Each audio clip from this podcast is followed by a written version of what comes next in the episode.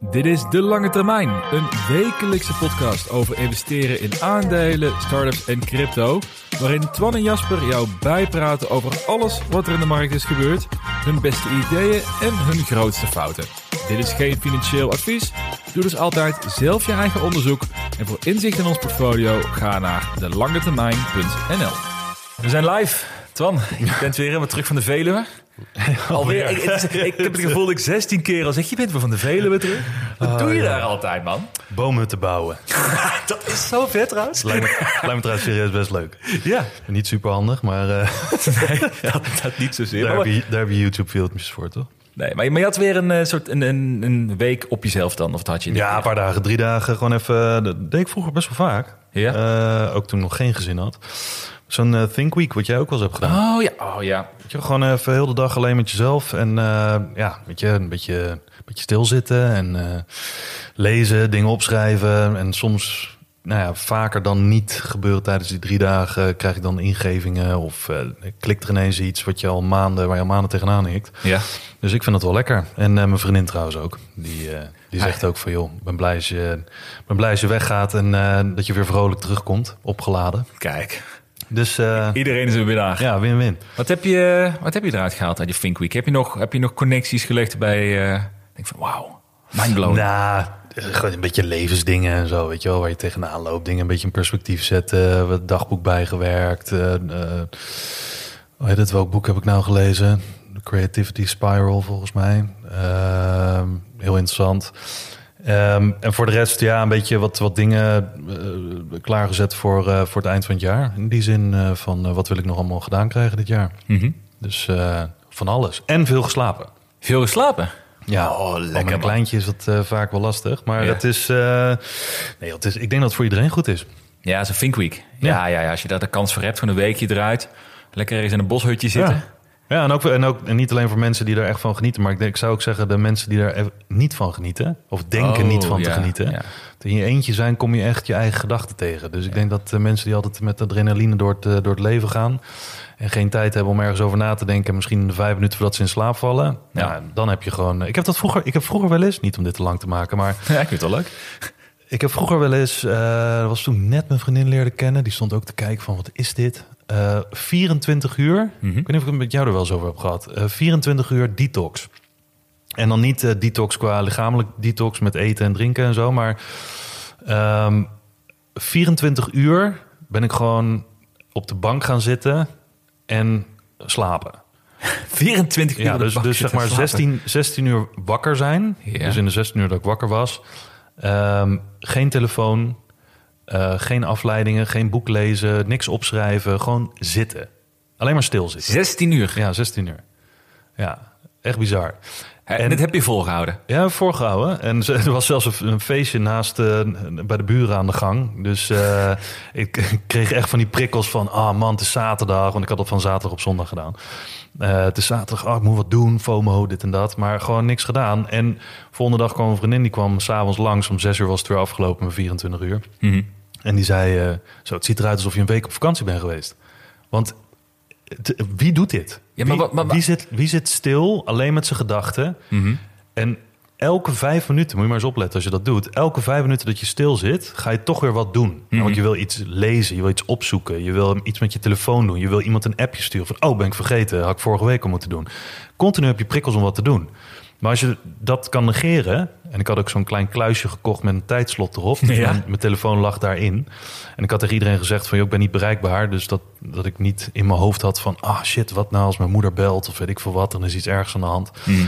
Dus ehm, ja, dat had ik. eh, Maar allemaal. eh, eh, ja, ik, ik ben nog steeds gewoon benieuwd. Als je, dan zit je 16 uur zit je op een bank. Je mag niet lezen, mag niks. Wat doe je dan? Want je kunt niet alleen maar 16 uur zitten met je gedachten en daar Ja. niks. Dat is... Weet je dat de gemiddelde persoon, er is een, eh, er is een wetenschap naar geweest, hè? dat een gemiddelde persoon na eh, zes minuten eh, helemaal gek wordt van als hij alleen in een kamer zit, Ja. alleen met zijn gedachten. En na zes minuten is hij kierenwiet. maar dit is krankzinnig, toch? Ja, nou ja, ja. Ja, het is ook letterlijk, Letterlijk letterlijk, krankzinnig. Na die zes minuten. Maar, 16, maar je hebt een... Oké, daar gaan we Nou. een keer los over hebben. Want ik, ik weet niet hoe je 16 uur op banken zit zonder boeken, zonder lezen. Ja, sindsdien, sindsdien ook nooit meer gedaan. Maar ik kan wel zeggen, ik, ik verlang er wel naar... omdat ik nog weet wat het met me heeft gedaan. Ik had een soort, weet ik veel, een soort reset met, me, met mijn hoofd. Eh, want Eh, eerst was het een beetje anxiety die ik voelde van ik moet wat doen. Hey, je programma's gaan draaien, je, Mhm. je, je bent gewend om je telefoon te pakken, et cetera. Dat zijn allemaal van die triggers die onbewust zijn. En uiteindelijk kwam ik daarna twee, drie uur uit. Toen had ik nog twee uur te gaan volgens mij voordat ik ging slapen. En de volgende dag stond ik op. En dat is helemaal apart. Mhm. Want je staat op en je mag dus van jezelf niks anders doen... dan gewoon ontbijt maken en op de bank gaan zitten. En that's it. Klinkt fantastisch. Ook, ook niet naar buiten, want dan kan je weer mensen tegenkomen. Dan heb je weer prikkels. Dus gewoon echt alleen maar binnen zitten. Nou ja, goed, gaan we een andere keer Ik over denk dat het heel leuk voor jou is. Eh, ik denk dat ik dat niet ga proberen. Maar het klinkt fantastisch. Eh, hey, wat, wat gaan we vandaag allemaal eh, bespreken? Vandaag staat in het teken van timing the market versus time in the market. Oh, een leuke mythe die we gaan Ja. doorbreken of bevestigen dus eigenlijk. Ja, nou, of, ofwel allebei de kanten gewoon even belichten en kijken. Hè, want eh, zoals met al die wijsheden geldt, eh, iedereen herhaalt het, maar het is niet voor iedereen hetzelfde. Ja. Dus eh, er was een interessant artikel wat ik had gelezen, of gevonden en gelezen. En ehm, daar, ik, ik heb altijd een beetje een hekel aan die algemene dingen. We hebben het eerder een keer ook over gehad. Want hey, buy, when there, there's blood in the streets. Mhm. Ja, wanneer, met hoeveel, eh, de- hoeveel risico kan je nemen, et cetera. Dus dat, Ja. dat smeert iedereen over alle situaties hetzelfde uit. Dat slaat nergens op. Daar kan ik echt helemaal, helemaal nou, mentale hernia van krijgen. Dan moet je eigenlijk weer 16 uur op de bank gaan zitten. Ja, moet weer, ja inderdaad. even bijkomen van de clichés. Ja. Dus daar, eh, daar gaan we het even over hebben. Ehm, en hè, niet, eh, zo- zoals ik net ook al zei, van niet om te zeggen welke het beste is, maar gewoon puur om allebei de kanten even te belichten, zodat iedereen zijn eigen conclusie daarmee kan trekken. Nou ja, interessant hè. Ja, Ja, als vriend van de show ga ik, eh, ga ik jou ook vragen van... Ja, al die experimenten die je uitvoert met je portfolio. Je hebt een aantal dingen natuurlijk lopen. Het vorige keer gehad over het how to unfuck your future portfolio. Eh, je hebt nog een aantal experimenten lopen. Ja. Ben ik ook benieuwd. Waarom doe je dat? En waarom stop je er echt geld in? Waarom doe je dit niet met nepgeld? Of, eh, Ja. of, en, en hoe, en nog belangrijker, wat zijn misschien nog wel meer experimenten die je van plan bent? ja. Ben wel benieuwd Ah, onze goeie. dok- dokter Twan gaat uitzoeken eh, binnenkort. leuk, leuk. Dat is een leuke. En voordat we starten, we gaan hem even omdraaien. Normaal gesproken zeggen we dit altijd aan het einde van de aflevering. Mhm. Zeggen van, hey, doe eens een, eh, doe eens een lol, plaats een review, geef een Spotify-score. Ehm, wat mensen, mensen niet beseffen, en dat is dat deze podcast helemaal niet gratis is. Oh, Nee, je moet gewoon betalen met je stem. oh. Betalen met je review. Dan krijgen we nou weer een betaalmuur erop gegooid. Nee, nee, zover gaan we niet. Nee, maar we, we houden de betaalmuur eraf. Mits mensen gewoon, als je minimaal twee afleveringen hebt geluisterd. Die denken van, ik vind het een vette podcast. Hey, die gasten die, die lullen lekker en ze hebben af en toe ook wat zinnigs te zeggen. Als je, denkt, als je dat een beetje het gevoel hebt, dan ben je, heb je een soort gentleman's agreement, morele verplichting om ons gewoon een, eh, een goede score te Ja. geven op Spotify. Of liefst nog een review op Apple iTunes, want daar zitten we, daar kunnen we het reviews gebruiken. Ja, en om niet om onder stoel of bank te steken, maar we hadden het net voor de show over. Dit helpt ons des te meer versus heel veel andere podcasts. Omdat ja, hè, wij, wij, we zijn geen celebrities. We hebben geen enorme mediamachine erachter hangen. We zijn gewoon twee eh, simpele gasten die, eh, die een podcast doen. Ja. Dus hoe meer, eh, hoe meer mensen daar inderdaad een, een stem op loslaten, hoe beter het voor ons is. En dat, hè, omdat we het op andere manieren niet kunnen pushen. Ja, nou ja, exact. Ja. Dus help ons daarbij en dan nou, noemen we het Gentleman's Agreement voor deze week.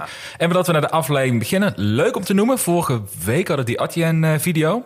Meer dan eh, 3000 keer bekeken trouwens. Ik was helemaal verbaasd.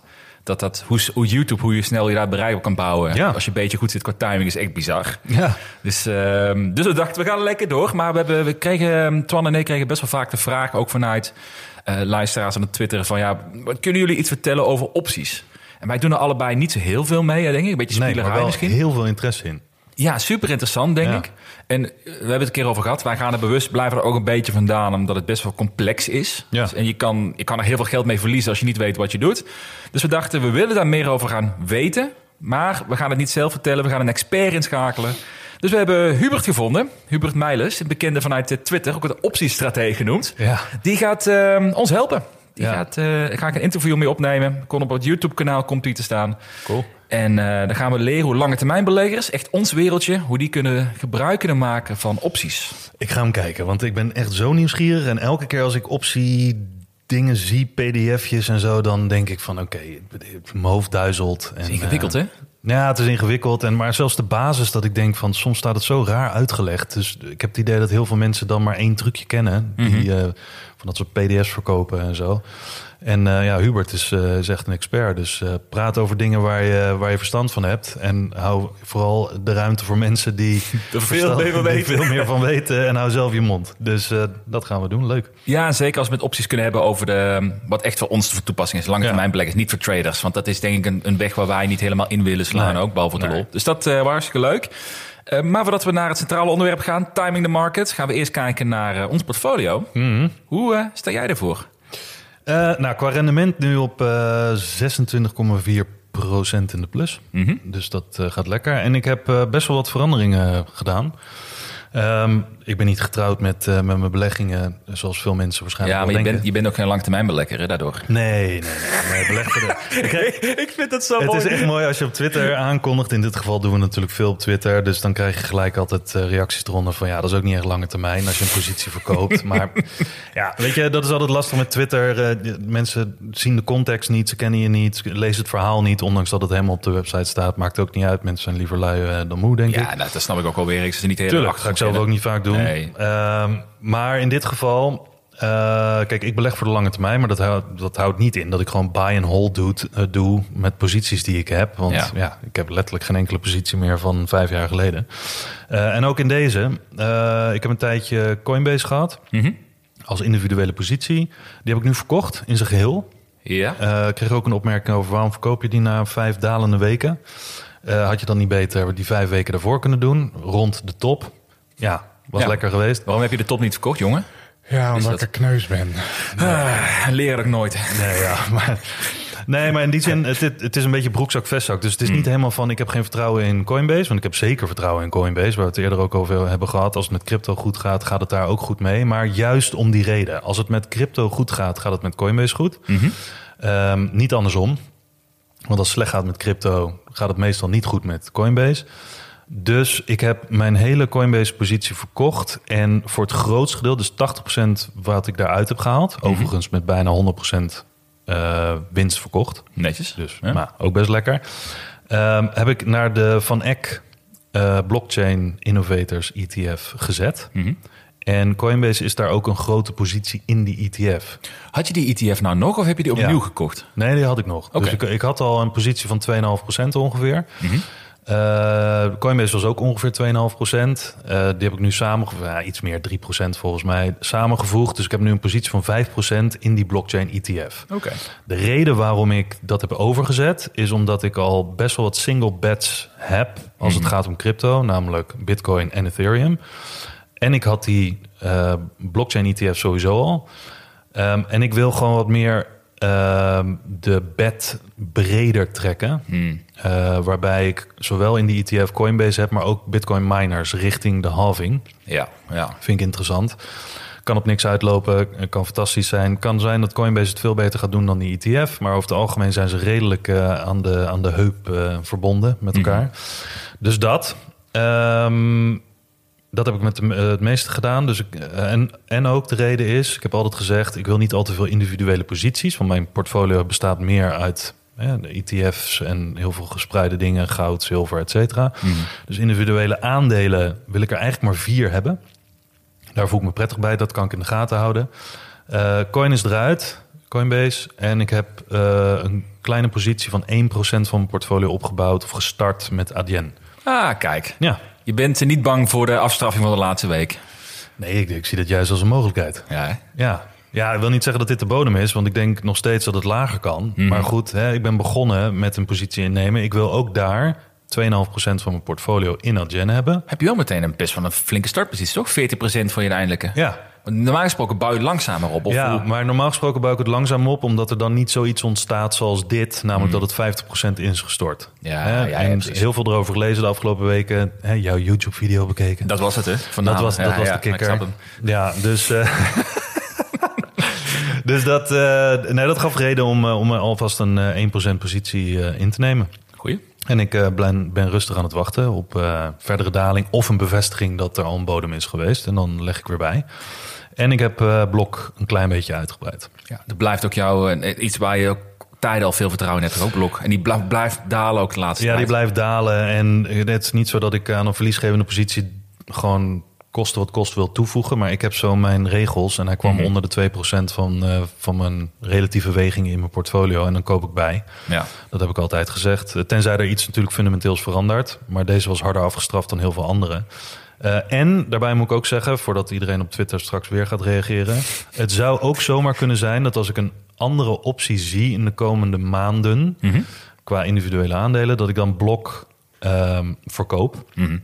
Omdat ook blok in die Ik wil zeggen, ja. ja. blockchain innovators ETF zit. Wel met een kleinere weging dan Coinbase. Mhm. Dus daar zou wel wat meer voor nodig zijn. Maar eh, ja, ik wil zo weinig mogelijk overlap hebben. Dus dan, ja, dan consolideer ik dat lekker in een ETF. Nou, Dus dat. ik denk sowieso dat het waardevol is hoor, om het, eh, die ETF's mee te benutten daarin. Als je gelooft in de industrie in plaats van de winnaar uit moet zoeken daarin. Ja, kijk, je kan natuurlijk ook soms zeggen van als je een ETF hebt van 100 of 200 posities en daar zit Coinbase en Block Ja. ook in, dat is wat anders. Deze heeft 20 posities volgens mij.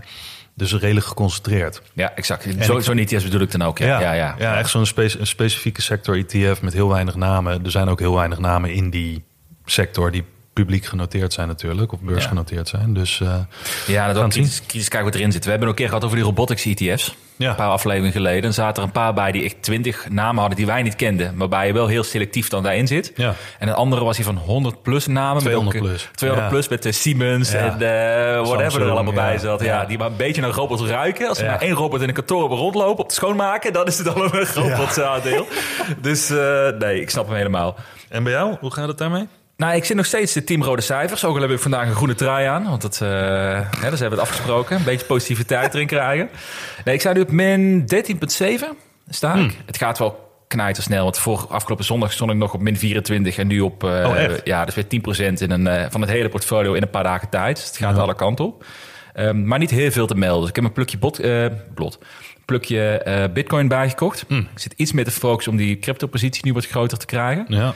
Eh, en ik ben geduldig op Adyen. En ik kan het nooit goed doen met Adyen. ja, ik heb de comments ook. Oh, nou, kijk, ik snap me helemaal. We hadden het er net al een beetje over. Maar ik heb mijn eh, eh, fout, wat ik al een jaar of drie doe, is dat ik altijd veel te snel instap. Ja. Dan zie ik een aandeel die ik graag wil hebben, die daalt 20%. Ik denk, dat is een kans van een leven. Ik kom meteen volle positie bij. Ja. Want ik heb een hekel aan kleine posities. dus dat kan ik sowieso niet. En dan koop ik bij en 9 van de 10 keer in mijn ervaring gaat het alsnog daarna 20, 30% lager. Het gaat altijd lager dan je denkt wat reëel is. Ja. Nu denk ik van, oké, ik heb en geen cash meer, dus ik zou iets moeten verkopen om Adyen te kunnen kopen. Vind ik net als jij een topbedrijf, dus ik Ja. het graag willen hebben. Flink afgestraft, maar in mijn beleving nog steeds niet eh, goedkoop. Het is steeds een best, best een geprijsd aandeel op alle metrics die ik bekijk. Dacht, weet je wat? Ik blijf gewoon standvastig. 47 is mijn koers om eerste positie in te pakken. Niet eens om massaal te gaan. Dat hou ik vast. Voor de rest is het gewoon afwachten geblazen.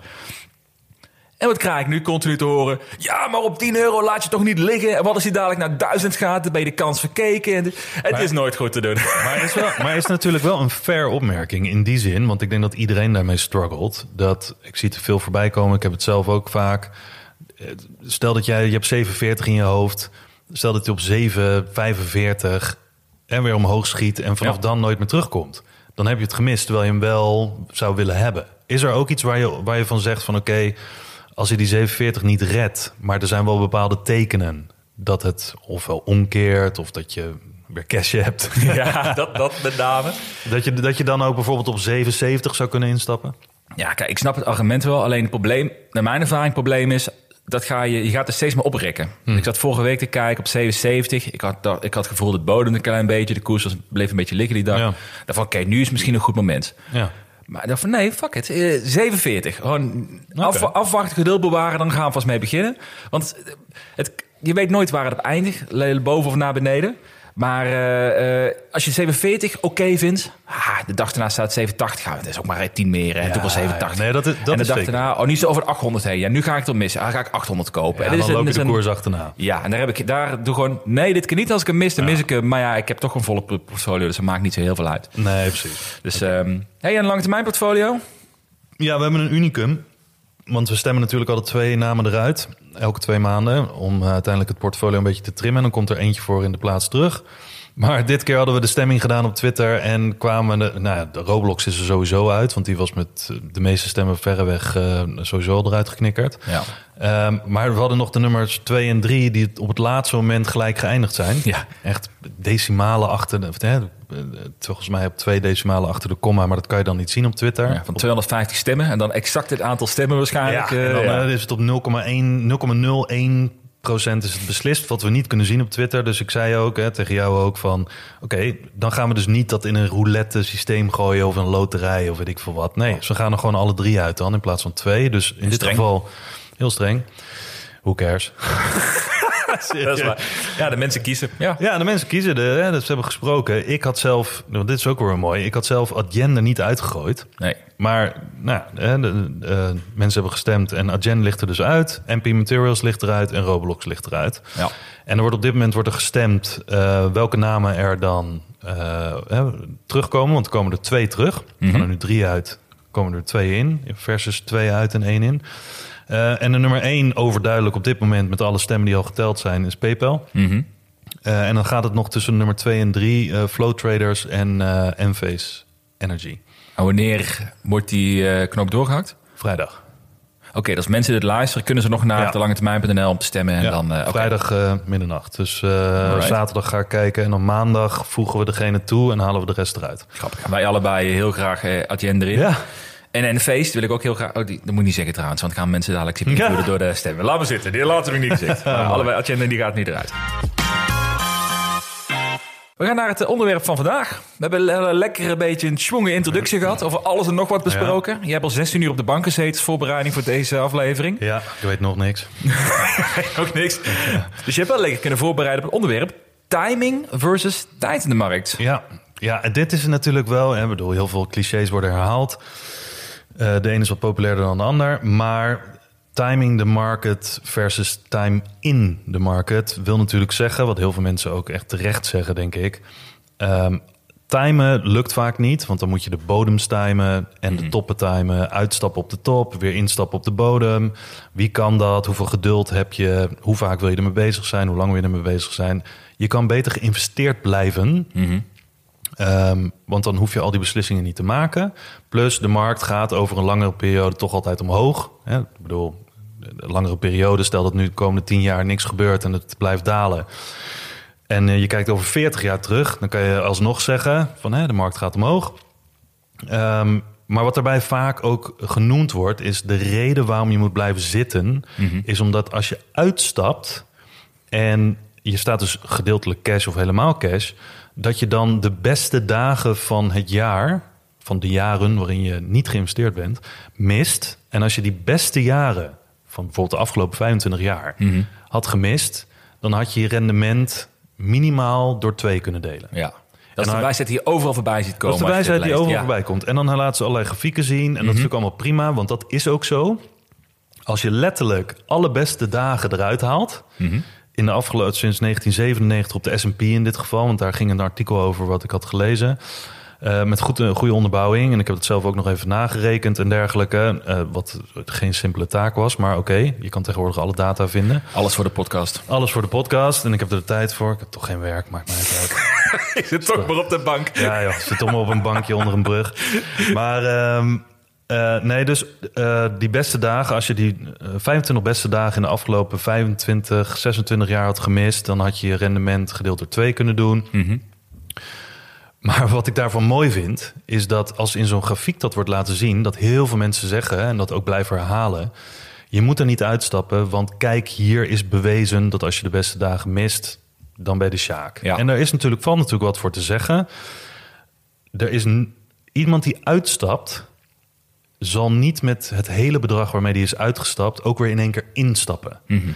Dus stel dat je met uh, je hebt een portfolio van 20.000 euro, je stapt op de top uit, en je weet het perfecte timen, heel uniek, maar oké, okay, laten we daarvan uitgaan. Uh, het daalt met 50%. Maar op het moment dat de markt met 50% daalt, Mhm. mm -hmm. durf jij niet die 20.000 euro weer in één keer in te leggen. Exact. Want je gaat inschalen, want er is altijd weer een reden waarom het weer verder kan dalen. Je gaat wachten op koersen die nog lager gaan. Nou, hè, begin van het jaar hebben we dat gezien. Heel veel mensen hebben de boot gemist. Mm -hmm. Stond een heel groot uh, gedeelte cash. Maar dan mis je dus de beste dagen. Oké, okay. de schrijver van dat artikel eh, onderbouwd door nog wat andere mensen die daarop hadden gereageerd. eh, ook echt data-analysten en zo. Die, zijn, die stelden: Oké, ten eerste is dit best wel apart. Als je ervan uitgaat dat iemand alle beste dagen in de afgelopen 25, 26 jaar heeft gemist, maar niet tegelijkertijd ook de slechtste dagen, Ja. dan ben je alsnog een waanzinnige timer. Mhm. In de zin van, dan heb je alleen maar het slechtste voor jezelf gedaan... en keer op keer, jaar na jaar, alle beste dagen gemist. Dat bestaat ook niet. Weet je wel? En wat blijkt, uit de data blijkt... dat verreweg de meeste beste dagen... opgevolgd worden door de slechtste dagen of andersom.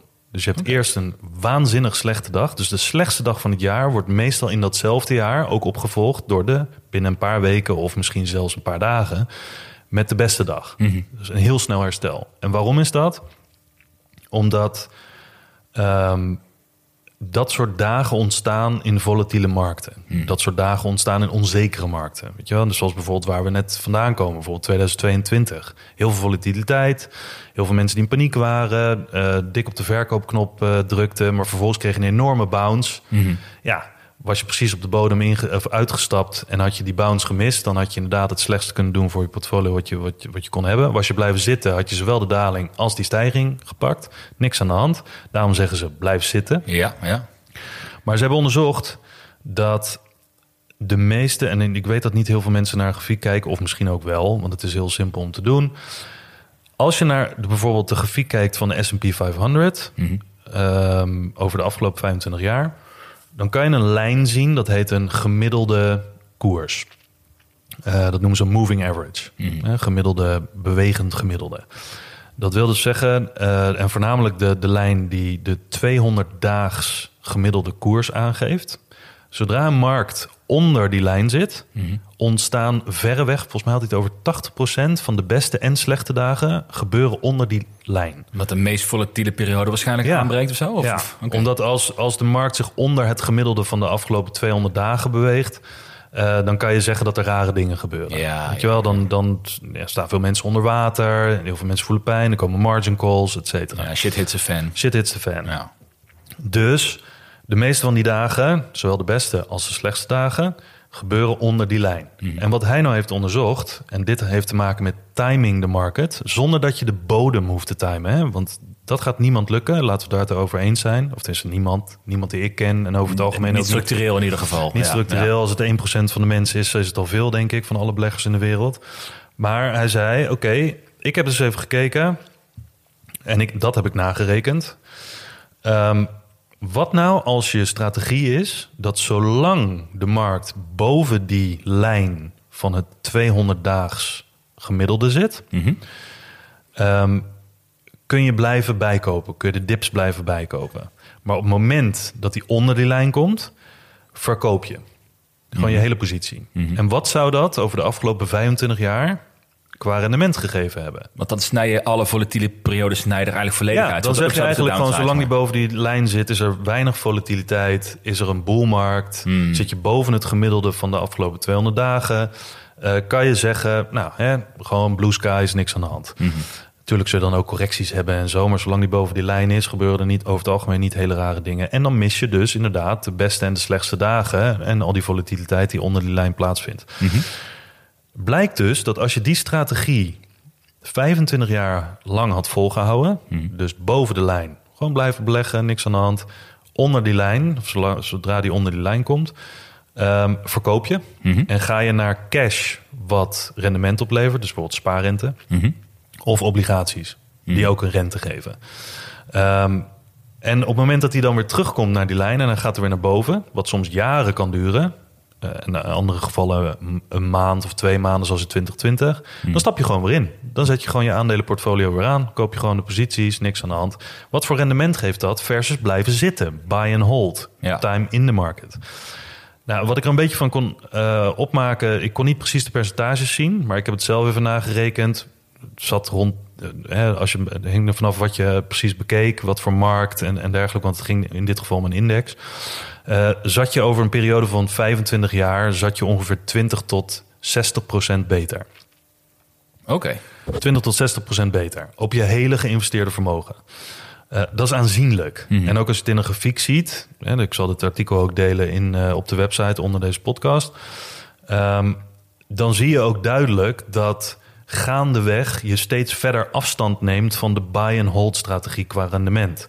En het enige wat je hoeft te doen, en hier zullen ook niet heel veel mensen ten eerste goed in zijn, maar ook geen zin in hebben. Ja. Het enige wat je hoeft te doen is die lijn in de gaten houden. Want dat is de strategie die hij heeft bekeken. Hè. Er zijn nog honderd andere strategieën. Ja. Andere mensen hebben een maandelijkse tijdslijn of weet ik veel andere indicatoren. Maar dit is gewoon super simpel om te doen. Dus 200-daagse gemiddelde moving averages. Die, Ja. de meeste, die kan je in de meeste tradingview.com kan je dat vinden, denk ik al. Ja, Met een beetje klooien. ja, En dat gewoon bijhouden, de boven kopen, de onder verkopen. ja. En hij zegt... Heel veel mensen denken dat ze dus een crystal ball moeten hebben... of eh, weet ik veel, helder zien moeten zijn of zo. Maar als je gewoon die lijn in de gaten houdt... dan is dit het enige wat je hoeft te doen om in de afgelopen 25 jaar... wil natuurlijk niks zeggen over de toekomst... maar 25 jaar is een mooie sample size... op de S&P 500, eh, 500 ehm, hoef je alleen maar die lijn in de gaten te houden... en die strategie erop toe te passen... en je komt er veel beter uit dan buy and hold en time in the market. Zou het kunnen? Ik ben benieuwd, waarom, waarom komt dat dan? hè? Ik kan me voorstellen, het- je hebt 200 dagen gemiddelde. Dus als een markt daalt, trekt de gemiddelde natuurlijk ook naar beneden mee. Hè? Ja. Dus ik kan me voorstellen, zodra die weer een stijgen is en boven die lijn komt... dan zit je in, in een opwaartse trend, Ja. zo te noemen. Eh, en ja, traders noemen dat waarschijnlijk een soort bevestiging van de trend of zo, als je Ja. er boven komt. Ja. Is dat gewoon dan, wat je dan doet, is het dan hetgene dat je de hele volatiele periode snij je eigenlijk uit je portfolio. Ga je dus gewoon Ja. beleggen in eh, een, eh, rentegevende dingen wat je net zei. En zodra je dus de trend bevestigd is van we mogen weer omhoog, het wordt wat stabieler, stap je weer in. En dan, dan mis je dus ook meteen weer die onderwaartse beweging. Ja. In ieder geval, eh Ja, je historisch valt het dus wel mee. Ja, je zou simpel gezegd kunnen zeggen, want dit heb ik voor mezelf even samengevat, want het is natuurlijk altijd lastig, zo'n heel verhaal. Maar voor mezelf betekent dit letterlijk, onder die lijn is elke euro die je inlegt, loop je heel veel risico dat elke euro minder waard wordt. Want je koopt elke dip en die blijft maar dippen en er is volatiliteit en het, nou, de trend is naar beneden. Je zit gewoon in een bearmarkt, je blijft inleggen, dus elke euro wordt bijvoorbeeld 90 cent waard. Ehm, boven die lijn is de grootste kans dat elke euro bijvoorbeeld 1,05 euro of 1,10 euro waard wordt. Dus je vergroot je kans dat je steady alleen maar in periodes belegd bent waarin er een grote waarschijnlijkheid is dat er een bull market is voor verschillende jaren. Dus hè, voor verschillende opeenvolgende jaren. Ehm, dus, dus je snijdt gewoon eigenlijk de periode weg waarin de grootste kans er is dat elke euro die je investeert minder waard wordt voor een hele periode. Ja. Is er natuurlijk wel één dingetje bij. En dit is iets waar heel veel mensen denk ik mee zitten. Door deze strategie te hanteren, eh, snij je eigenlijk ook je eigen mogelijkheid weg om enorme koopjes te kopen. Want als je bijvoorbeeld naar 2020 kijkt, hè, de, bijvoorbeeld eh, de markt die in één keer instortte en dan niet jaren erover deed om te herstellen, maar gewoon onder die lijn dook, snoeihard naar beneden ging. Als je toen bepaalde koopjes had gedaan, en ook aan het begin van dit jaar met Meta bijvoorbeeld, voordat hij weer terug is bij die 200 daags gemiddelde lijn, heb je al 40 of 50 procent upside gemist vanaf de bodem. Maar deze, even, inhaken erop. Deze Ja. strategie geldt dat dan ook voor individuele aandelen of alleen voor een index? Want dat is natuurlijk een heel groot verschil qua vaak. eh, Of het voor individuele aandelen geldt, weet ik niet. Maar wat hij wel zei, dat is specifiek die 200 daags gemiddelde. Maar wat hij wel zei is dat de index waarin die aandelen zitten... bepaalt voor een groot gedeelte hoe volatiel die aandelen ook zijn. Want Ja. die aandelen bepalen de index. Dus Ja. heel veel, als er 80% van de aandelen heel volatiel zijn in die periode...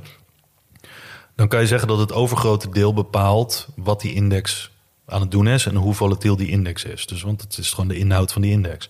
Dus hij zei, ehm, voor het totale werkelijke percentage per aandeel zal het verschillen. Maar het algemeen, want we, we hebben het nu over een algemene wijsheid, hè? ja, ja, precies. Dus hij smeert deze algemene wijsheid van eh, je kunt het wel timen op een bepaalde manier waarin je geen rocket scientist hoeft te zijn, versus het, het, ja, het algemene eh, credo van time in the market, stap er niet uit, blijf gewoon inleggen wat de markt ook doet. Eh, dat zie ik ook veel voorbij komen op Twitter. Van eh gisteren, morgen, volgende week. Blijf gewoon inleggen. Daalt de markt, blijf inleggen. Stijgt de markt, blijf inleggen. Het is een een simpele manier ook, toch, om te beleggen. Ja. En eh, over het algemeen ook een manier om gewoon prima rendement te halen. Ja, dus, eh, nou ja, goed. Dus in die zin, je zou kunnen zeggen, boven de 200 daags gemiddelde, koop de dip. Mhm.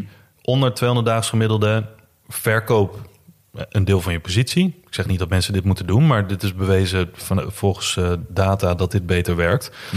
Er zit natuurlijk wel een hoop ehm, maar dingen aan. Zoals ook bij time in the market heel veel maars zitten, zit bij timing the market ook heel veel maars.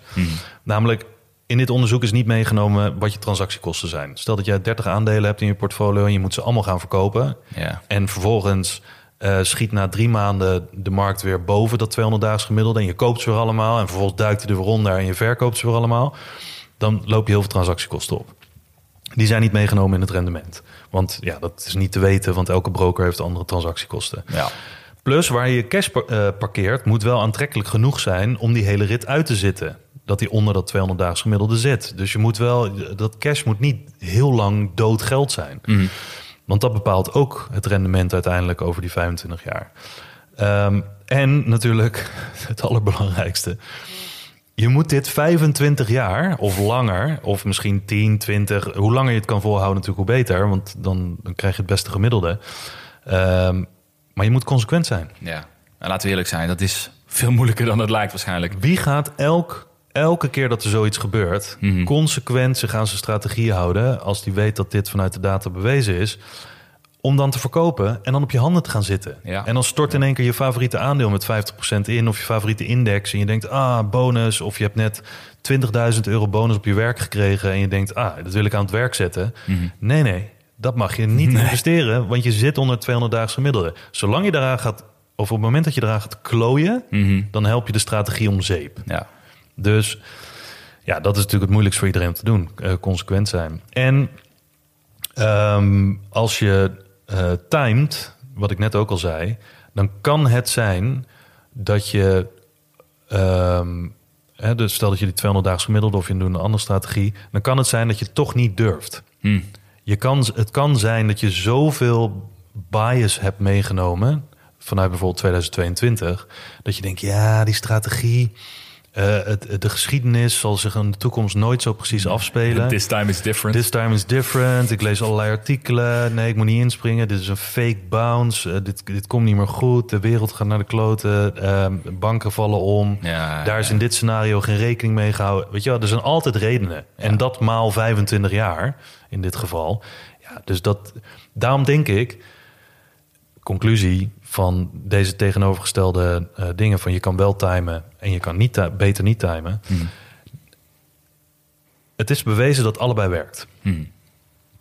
Maar er is ook vaak genoeg bewezen dat welke theorie je ook hanteert en hoe dit ook in de data bewezen wordt, het hangt van elk persoon individueel af hoe die het gaat toepassen. Mhm. En daarom denk ik dat voor de meeste mensen, die ook in indexfondsen beleggen en dergelijke, time in the market, dus gewoon belegd blijven, de allerbeste oplossing is. Ja, ben ik mee eens. Want tenzij je iemand bent zoals wij, die er echt dagelijks mee bezig zijn en willen zijn en er ook van willen leren en ook bereid zijn om fouten te maken en wel eens nat te gaan bijvoorbeeld.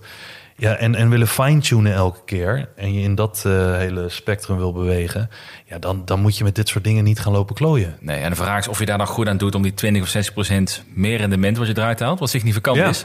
En als je dat 25 jaar moet volhouden structureel, terwijl we, ja, de voorbeelden die je noemt zijn eh, duidelijk. Dit, dit is emotioneel zo moeilijk hè. Ja. Je kunt beter een robot erop zetten vanuit de hedge fund die het gaat doen, en dat jij en ik als individuele beleggers dat gaan mee klooien. Nou ja, en dit is dus ook een goed punt, want Dank je. Graag gedaan. Hij zei ook, en dat, en daar heb ik ook al veel naar gekeken in de afgelopen jaren. Er zijn natuurlijk, en dan hier zitten nog wel veel ha- haken en ogen aan. Maar met de komst van heel veel dingen zoals AI, bots, machine learning, dingen die op finance toegepast kunnen worden, heb je ook heel veel bots bijvoorbeeld. Ehm, en het zullen niet de bots zijn waar wij in kunnen investeren, want daar hebben we niet genoeg geld voor. Want dat zal echt voor de, de allerlucky eh, eh, mensen zijn. Maar die algoritmes, die hebben dit soort dingen ook qua strategieën uitgezet. Nee, ja, op al die datapunten. Ja, wat is met, met alle respect is natuurlijk wat je noemt is super interessant. Maar die, al die, die knappe koppen in eh, Ja. New York, die hebben natuurlijk ook al lang door. Ja, tuurlijk. Maar daar, en daar hoef je in principe ook niet van te winnen. Het enige waar je van wil winnen, als je het over winnen wil hebben, is ten eerste, je wil meer geld overhouden dan dat je erin stopt. Aan het einde van de rit, hoe lang dat ook is. En ten tweede wil je, denk ik, tenminste zo denk ik, niet zomaar al die wijsheden aannemen en daar je strategie op baseren. Een stukje gezonde, nieuwsgierige, onderzoekende, eh, ja, noem dat sensibility, is voor denk ik heel veel mensen gewoon een goed iets. Ja. Van neem niet zomaar alles voor wijsheid aan. En als je uiteindelijk denkt van, nou, ik heb nu van, eh van Twan gehoord dat je het wel degelijk kan timen met een bepaalde strategie. Ehm, en je denkt, klinkt super ingewikkeld, lang verhaal, mij niet bellen. Dan weet je ook weer van, oh, het is niet zo dat time in the market niet werkt. Dat werkt ook. Je weet, je weet Wat? wel dat je voor jezelf een nieuw graf gegraven hebt, hè? Wat dan? Je hebt twee afleveringen geleden hebben het gehad over die eh, drie dagen wachten, tien dagen wachten. Iedere keer als er nu een, eh, op Twitter een keuze gemaakt wordt over kopen of niet kopen, heb je al naar Ton geluisterd. Dat zijn drie de tien dagen wachten. Nu, nu kom je weer met een wijsheid. Ja. nu krijg je iedere keer als zaak de markt om de 200 gaat, krijg je de vraag: En Twan, heb je al verkocht? Zo nee, waarom eh, luister je niet naar jezelf? Ja. Maar, oké, nee, maar, dit, maar dit is een goeie. Dit is een goeie, want zelf, voor een groot deel van mijn portfolio, ga ik deze strategie niet toepassen. Ik wil zeggen, ga je doen inderdaad. Nee. nee. Waarom? Omdat ik weet dat ik daar te weinig tijd voor heb. En omdat ik met te veel andere dingen bezig ben. En omdat ik ook weet dat ik wil hier niet volledig alles aan ophangen. Ja. Omdat ik ook wel doorheb dat het neemt natuurlijk ook heel veel andere dingen met zich mee. Namelijk stress, timen, op je grafieken blijven kijken. Je moet eh, het niet druk hebben in, je, in, je, in de rest van je leven, et cetera. Maar de, het punt is puur... Het, het credo is time in the market. En iedereen fikt dat hele... je kan best wel timen verhaal. Fikken ze allemaal af. Ja. Met allemaal hetzelfde. En allemaal... Je mist dan de beste dagen, bla, bla, bla. Maar zo simpel is het niet. Ja. Dus ehm, ja, het is lastig. Maar niet zo lastig als veel mensen denken... om het te timen en een beter rendement over 20 jaar eh, voor elkaar te krijgen. Maar heb je daar geen zin in, dan is time in the market eh, prima. Maar dan, dan weet je dus ook dat je alle ritjes naar beneden ook meemaakt. Ja, exact. Nou, ik vind het wel een goede nuance. Waar we het begin van de aflevering over hadden, ook altijd die, die, die quotes die Ja. zonder context benoemd worden. En altijd allemaal Warren Buffett quotes, want dat is degene die we Ja. allemaal lezen natuurlijk. Ja. Het, eh, het is, is goed om daar een keer wat tegenlicht op te krijgen. Van Ja. wat er nou daadwerkelijk, wat de data nou zegt daarover. En ehm, nou, interessant. Nou, vanaf nu ga ik alles onder de 200 dagen verkopen. En als het niet goed is, dan betaal jij de whisky voor de rest van het jaar. Eh, nee, grapje. Hey, interessant man. Hey, we hebben nog een paar luistervragen hier ook over gekregen. Ik heb eentje die is van, eh, van Frits. Die hangt wel samen ook met het onderwerp. Dus leuk om daarmee te starten. Heeft namelijk over van... wanneer je dan maandelijks een vast bedrag inlegt op een indexfonds... is na enige tijd het maandelijks bedrag nog maar een fractie van je totaal ingelegde bedrag natuurlijk. Ja. En dat voelt, deze inleg voelt steeds meer insignificant worden over de loop van de tijd. Ja. Dus dan denk ik een hele terechte vraag. Maar hij zegt dan, is het dan de way om de maandelijkse inleg... na verloop van de tijd te gaan verhogen? Hoe kijk jij daar tegenaan? Nou ja, goed. de- ja, dat is gewoon zo. Als je begint met eh 500 euro en je legt elke maand eh, 100 euro in, dan is het elke keer 1 vijfde. En eh, hè, voor je het weet, nou ja, dat duurt heel lang. En dan is het 1, 1 tiende en dan 1 twintigste. Maar vervolgens heb je een portfolio van 100.000 euro. Ja, dan is het helemaal niks meer wat je bijlegt. Ja. Dat kan insignificant voelen, maar hoe ik er naar kijk is... het gaat er niet om hoeveel je inlegt versus het portfolio wat je hebt... als dat de vraag is. En of dat dan insignificant is en dat je daar dan mee moet stoppen... of dat je dat moet verhogen. Maar waar het om gaat is, ik denk twee dingen voor mij. Elke euro die ik wil inleggen, heb ik het idee... Hè, anders doe ik het niet. Dat dat meer waard wordt in de toekomst. Ja. Dus maakt niet uit of ik tientje of honderd of duizend euro. Maar natuurlijk, hoe meer je inlegt, hoe meer dat aan het werk kan.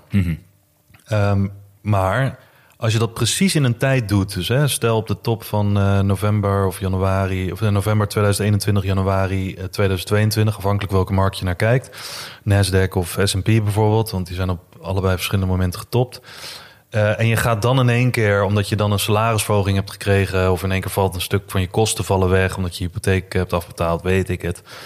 En je stort dan in de markt, ja, dan zie je grote bedragen zie je steeds minder waard worden. Ja, ja. Dus ehm, dan kan je dus ook, zoals, zoals Frits zegt, van dat, dat kan uiteindelijk kan dat ervoor zorgen dat je op het verkeerde moment grotere bedragen gaat inleggen. Maar over het algemeen denk ik dat het idee van dollar cost averaging is dat je een periode moet pakken waarbij je financiën hetzelfde blijven. Zeg dat het een jaar of twee of drie of vier of vijf jaar is. Dat je gewoon zegt van nou, ik had vroeger had ik 100 euro per maand. Nu heb ik 500 euro per maand. Leg gewoon die 500 euro per maand. Plan dat voor de komende twee, drie jaar in. ja. Want dan heb je echt het gemiddelde. Want als je de ene maand 500, de andere maand 1000 en de andere maand 2000. Ga je alsnog spelen ermee? Ja, dan, kan, je- dan, dan, gaat het, eh, dan gaat het echt verschil maken in de zin van wanneer leg je in. Dat is ook timen. Ja, Weet je wel, dat doen ook heel veel mensen die zeggen hoe, lang- hoe harder het daalt, hoe meer ik inleg. Ehm, kan een strategie zijn, maar Ja, dan vraag ze of, je dat, of dat de... dat is niet echt. Dat is ook een soort van dollar cost averaging, maar Ja. ik denk dat je daarmee op zich eh, jezelf best wel eh, snel aan bloedende handen helpt. Maar ja. Ja, ik zou niet zozeer kijken naar hoe insignificant het is. Het is gewoon meer elke euro die je inlegt eh, is voor je toekomst. Ik heb toevallig vorige week gekeken, was met mijn pensioenopbouw was ik bezig. En ik heb gekeken naar het rendement van, eh, van die World Index, IWDA. Die was gemiddeld over de afgelopen 30, 40 jaar. En het, dat verbaasde mij enorm. 10,8% gemiddeld per jaar. Ja. Vond ik hoog voor een Ja. wereldindex. Wat het meest, eh, misschien wel de meest veilige of meest diverse, laat zo zeggen, index is die hier bestaat, denk Ja. ik. Eh, 10,8 procent. Ik heb uitgerekend, als je ehm, iets van, van 35 jaar de tijd hebt, als je dan 500 euro per, jaar, per maand inlegt, Mhm. dan kom je aan het eind van je pensioen, zeg maar 35 jaar later, zit je aan een miljoen. Echt? Ja, op basis van die van 10 procent. Maar eigenlijk niet eens 10 procent, maar eigenlijk 8 procent. Ik weet niet meer zeker. Nee. 8 of 10 procent rendement. Maar dat is Ja, met IBDA heb je dat voor elkaar. Moet ook belasting ervan afhalen en dergelijke natuurlijk. Ja, pensioenpot, hè, dat is Ja. afgerekend. Maar dan heb je een miljoen pre je belasting moet gaan betalen voor je pensioenpot, krijg je dan, haal je dat eruit in 35 jaar tijd. Dat is ook voor een basis van iedere maand 500 euro erin stoppen. Of het nou veel of minder is. Dus ik denk uiteindelijk, ik snap precies wat, hè, wat, wat Frits zegt. Maar ik denk uiteindelijk, als je gewoon 500 euro blijft inleggen, je hebt die rekensom gemaakt, gewoon blijven doen. Ja. Gewoon blijven doen. Als Ja. dat je, je strategie is. Denk ook. Dus eh, ik zou best een miljoen willen hebben als ik met pensioen ga. Goeie tip. Hey, ehm, ik ben benieuwd, heb jij gekeken naar ARM? Ken je dat aandeel? Ja, ja, ja. Die eh, IPO gaat maken. Ja, want eh Gian vraagt ons dat. Van, kijken we daar naar uit? Tientallen miljarden. Ja, hè? Je, bent, je hebt al je portfolio verkocht voor ARM, denk ik. Ja, ja, ik zit te wachten. Nee, waar we het de vorige keer over hadden. Kijk, ja, bedoel, Jan vraagt, kijken we daar naar uit? Nee. Ik niet. Nee? Nee, waarom? Nou, tenminste, kijk ik er al naar wel. uit. Ik bedoel, ik zit, er niet, ik zit er niet op te wachten in die Ja, zin. ja. Maar waar we het vorige keer ook over hadden... het is voor mij geen reden, en voor jou volgens mij ook niet... om gelijk enthousiast te worden en daarop in te stappen. Want het krijgt vaak zo'n... en zeker in een jaar waarin er weinig IPO's zijn... Mhm. zullen heel veel mensen gebrand zijn op... hé, hey, er is weer wat nieuws en oh, dit gaat naar de beurs... en oh, dit is het volgende ding. En het is natuurlijk ook in de hele regio van chipsector... wat eh, met Nvidia natuurlijk eh, sky high gaat qua verwachtingen. Ja. En dat kan allemaal uitkomen.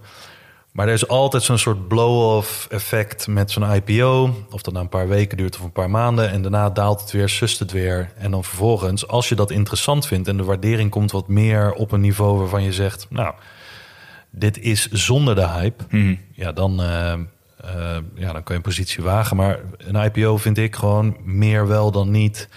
een event voor VC's. Ja, klopt. Ik bedoel, eh, de, grote venture capitalists, die zitten er al jaren in. Die eh, hebben er belang bij om het aan retail te dumpen. En die maken dan een exit en gaan vervolgens door met het volgende. Ja. Ja, dus ja, waarom zou ik die zakken kopen? Ik denk dat je daar gelijk in hebt. We hebben het eerder een keer besproken, maar ik, ik wacht zelf ook twee maanden na een IPO om te kijken hoe het bedrijf ervoor staat. Liefst gewoon de eerste earnings afwachten. Ja. Dan weet je een beetje als het waar kunnen maken. Ja, Eh, wat ik wel interessant vind bij dit bedrijf, ik heb even kort naar gekeken, is ze worden veel, eh, ze worden gezien als een semiconductorbedrijf, maar we vaak vergeleken met Nvidia en AMD en wat dan ook. Maar het schijnt dat zij dus eh, alleen de ontwerpen doen zij zeg maar leasen aan die bedrijven. ja. En ze, ze produceren niks zelf. Dat betekent dat er een bedrijf is die marges maakt boven de 90% Ja. En dat kan natuurlijk wel heel interessant zijn daarin. Ja. Want dan zijn bedrijven vaak met, vaak met enorme cashflows... die heel erg kunnen pielen met een prijsstrategie... omdat ze zo'n hoge marges maken. ja. Dat kan interessant zijn. Maar eh, nee, ik kan ook wachten tot het... het eh, Maar ik vind over het algemeen, en misschien ben ik daarin gekleurd... alles wat dat vision... Volgens mij is het vision van, van, eh, van Softbank, toch? soort- ja, ja, ja, ja. Ja, ik bedoel, alles wat zij eh, de markt in slinger in IPO, daar heb ik zoiets bij. Ze hebben natuurlijk ook enorme verliezen gemaakt. Dus Ja. ik heb daar altijd een beetje een kanttekening bij. Van ja, ik zou ook, als ik de CEO zou zijn, zou ik ook zeggen van ja, weet je, ik moet nog even een grote IPO-exit hebben. ja. Eh, want dan kan ik mijn boeken weer een beetje spekken. Eh, dus ja, het zegt niks over eh, ARM hè, in die zin als bedrijf zelf. Maar Nee, die IPO, daar- daar kleeft wat aan vast, voelt die. IPO dat, dat is denk ik een overhyped event. Ja, 2016 voor 32 miljard trouwens eh, gekocht door Softbank of in geïnvesteerd. En ze gaan nu voor 60 à 70 miljard naar de beurs. Zeven jaar later, niet heel onredelijk zou je kunnen denken. Qua Nou, zeker in het klimaat. Ja. Nee, dus we gaan zien wat het wordt. Maar ehm, eh, eh, laten we zeggen, terughoudend optimistisch. Ja. Is wat het- Hey, laatste vraag. We hebben nog een vraag gekregen van, eh, van Sam. En hij vraagt, hoe kijken jullie naar het plaatsen van een stop-los? Hij zegt dat hij al een keer eh, bij Philips vorig jaar precies op de bodem is uitgestapt. Ja. Nou, thumbs up to you, dat het gelukt is. Eh, maar hij zei, in andere posities had ik mijn verlies kunnen beperken... door vooraf een stop-loss te bepalen. Stop-loss, gewoon op dat moment verkoop je automatisch aandelen. Ja. Wat, eh, gebruik jij stop-losses? Voor, Ja. Niet voor je trading, maar voor je lange termijn portfolio? Nou, juist voor trading. Nee, precies, maar Oh, voor mijn los van je lange termijn- trading, ja, portfolio- los- eh, trading snap ik het, maar voor je lange termijn Ja, portfolio? nou, voor het lange termijn portfolio is het enige waar ik een stop los voor doe, is eh, in dit geval bijvoorbeeld voor eh, Coinbase. Had ik het ook gedaan. Ik verkoop bijna nooit meer, dat deed ik vroeger wel. Ehm, ik verkoop bijna alleen nog maar de posities waar ik vanaf wil door een stop los in te zetten. Want eh, stel dat ik een aandeel heb, ooit heb gekocht voor 100, staat nu op 200 euro. ehm, en ik ben blij met die 200 euro, maar groeit door naar 220 bijvoorbeeld, dan zet ik mijn stop los op 200 euro. Daar ben ik tevreden mee. Daarvoor wil ik die positie exiten. Maar als die blijft groeien, ja, dan heb ik gewoon een goede positie in de handen en kan ik het nog wel eventjes, ja, dat is meer rendement. Ik Ja. bedoel, eh, of we nou een hype cycle zitten, geen idee. Maar daalt hij vanaf 220 weer naar 200, dan gaat die stop los af. En dan heb ik in ieder geval die 100% winst gepakt. Waarmee ik die positie wil verzilveren om weer over te stappen in iets anders. Dus bijna nooit meer doe ik een eh, verkoop limit order. Oké. Eh, en ook, ik doe trouwens sowieso nooit een market order. Dat, eh, daar heb ik sowieso een hekel aan. Ehm, maar dan leg ik een stop los eronder op, op het punt waarop ik blij ben. En blijft het groeien, dan zet ik de stop los wat hoger. Want ja, stel dat hij nog 20% daarna doorgroeit, dan zet ik hem weer wat hoger. En dan in één keer daalt de koers weer. Ja, dan, dan exit die positie op die stop los. En dan heb ik wat meer, meer, meer rendement. Ja, ja, dus eigenlijk alleen posities waarvan je toch weet dat je er afscheid Ja. van wil nemen. En dan Ja. wil je nog even het maximale eruit halen zonder dat Ja. iets veel doorzakt. Ja, voor de lange het termijn zet ik op geen enkele positie een stop los, omdat ik bang ben om een bear market in te gaan en ehm, weet je wel, van al mijn posities af te moeten, omdat het daarna nog meer kan dalen. Ja. Eh, zou misschien met die 200 daagste gemiddelde strategie zou dat interessant zijn. Maar ehm, nee, want precies wat Sam zegt, ja, het kan zijn dat je precies op de bodem. Want al die market makers bijvoorbeeld en, en heel veel grote partijen, die zien ook het hele orderboek. Dus die zien ook op een gegeven moment waar heel veel stoplossers liggen. En meestal, niet altijd, maar meestal zijn wij als mens geneigd om bijvoorbeeld in dit geval op een rond getal Ja, ja. onze stoploss te leggen, 200 euro. Dan tikt hij de 199,50 aan en dan schiet hij daarna weer omhoog. Maar dan ben jij wel van je positie af. Ja, voordat je het door hebt, staat hij alweer op 220. ja, klopt. Dus, eh, nee. En jij? Nee, ik moet zeggen, ik gebruik, ik gebruik nooit limit orders. Ja, alleen als ik die dag wil verkopen. Maar ik zit elke Nooit dag... limit orders? Nee, Nooit eh, stoplossers? eh, Sorry, nooit stop is. Maar ik, ik, leg ook, ik heb ook geen verkooporder voor de toekomst erin. Dus ik heb bijvoorbeeld één keer meegemaakt. Ik had Slack had ik in mijn portfolio. Slack? Slack? Ja, Work. Slack had ik in mijn portfolio. Vond ik, wat ik gebruikte dat veel. F- heel tof. Eh, en ik had er een, een verkooporder in gezet. Stond toen op 25 dollar. Ik had een verkooporder van 35 erin gezet. Mhm. Want ik weet niet, ik had een of andere idee erachter. En de volgende ochtend, meteen om eh, half vier de markt open. Ik zie berichtje, ploep, Slack verkocht voor 35. Dus ik, 35, wat de fuck is aan de hand dan? Was dus net een overname, was dus aangekondigd door Salesforce. Salesforce kocht Slack. En de koers was inmiddels al gestegen naar iets van 45 of 50. Maar die van mij was verkocht op 35. Want ik had er een, een, een, limiet erin staan. Ja. Omdat ik van, oh, als u dat raakt, ben ik wel blij. Ja. Ik, ik doe dat nooit meer. Maar was je blij? Nee, nee, wat denk je? wat denk je? Nee, maar dat bedoel ik. Dus ik, ik ga nooit meer... eh, Stoploss ben ik sowieso niet van, want ik kijk naar de fundamentals van het bedrijf. Niet Ja. waar dit dan mensen voor trade. Ik doe sowieso nooit een stoploss. eh, voor wat het, of dan ook goed is of niet. En, maar ik, zet dus ook, ik kijk dus vanwege daardoor kijk ik altijd... Ik zit toch iedere dag op de, op de app. Ik hou de koers Ja, erbij. daarom. Ik wil weten wat ermee gebeurt als een koers hoog gaat... voordat ik een actie onderneem. Of Ja. verkopen. Ik wil gewoon controle blijven. Ja. Dus dat gebeurt me. Het was gelukkig maar een klein bedragje. Eh, Het heeft misschien 1000 euro gekost, maar het was wel... eh, ik heb de hele dag lopen balen. Kan ik je vertellen. Nee, joh, daarom. Ik bedoel, ja, stoplossen zijn best wel tricky dingen. Ja, ik, ja ik, ik snap waarom het gebruikt wordt. Om traders wat gebruiken. Als je wat zekerheid wil, snap ik dat je het Ja, gebruikt. ja. Maar eh, als je toch iedere dag op de app zit, dan denk ik niet dat het per se Nee, nodig is. Maar dat is mijn filosofie. Denk ik ook niet. Hey, we gaan door met de aflevering van eh, voor, de, voor onze vrienden. onze, onze grote club die inmiddels bij Mhm. Ja. een Ajax-stadion kunnen uitverkopen ook. Dat is mooi. Vorige week Emmen staan in de Ajax-stadion. Wat, eh, we gaan het hebben over jouw experimenten. Ja. Wat je allemaal gedaan hebt, wat er nog meer gaat gebeuren. Ehm, mocht je nog niet betaald hebben voor deze podcast, kan dat dus door middel van een review achter te laten. Ja. Mooi hè? Geen Ja. betaalde podcast dit. Dan houden wij het gratis. Super mooi voor iedereen. Spread the love.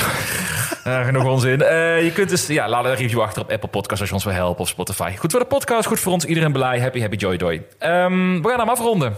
Twan, bedankt dat je langs wilde komen in Den Haag. Helemaal vanuit de Veluwe. Ja, ja, graag gedaan. Ja. Voor een keer weer eens in Den Haag. Bedankt voor het hosten. Ja, graag gedaan. Graag gedaan. En, ja, dankjewel allemaal voor het luisteren en eh, tot de volgende week.